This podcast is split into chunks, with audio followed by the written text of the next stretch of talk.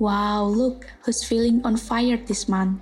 Dari semua zodiak, kayaknya yang paling bersemangat di bulan ini adalah Virgo. Good for you, dengan begini, kamu bisa jadi lebih maksimal dalam menyelesaikan tanggung jawabmu. Keep going, Virgo!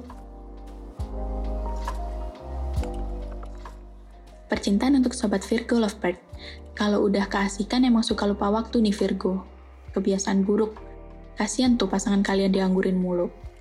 Saat ini mungkin kamu sedang seru dengan suatu hal, jadi nggak ada masalah dengan status singlemu saat ini.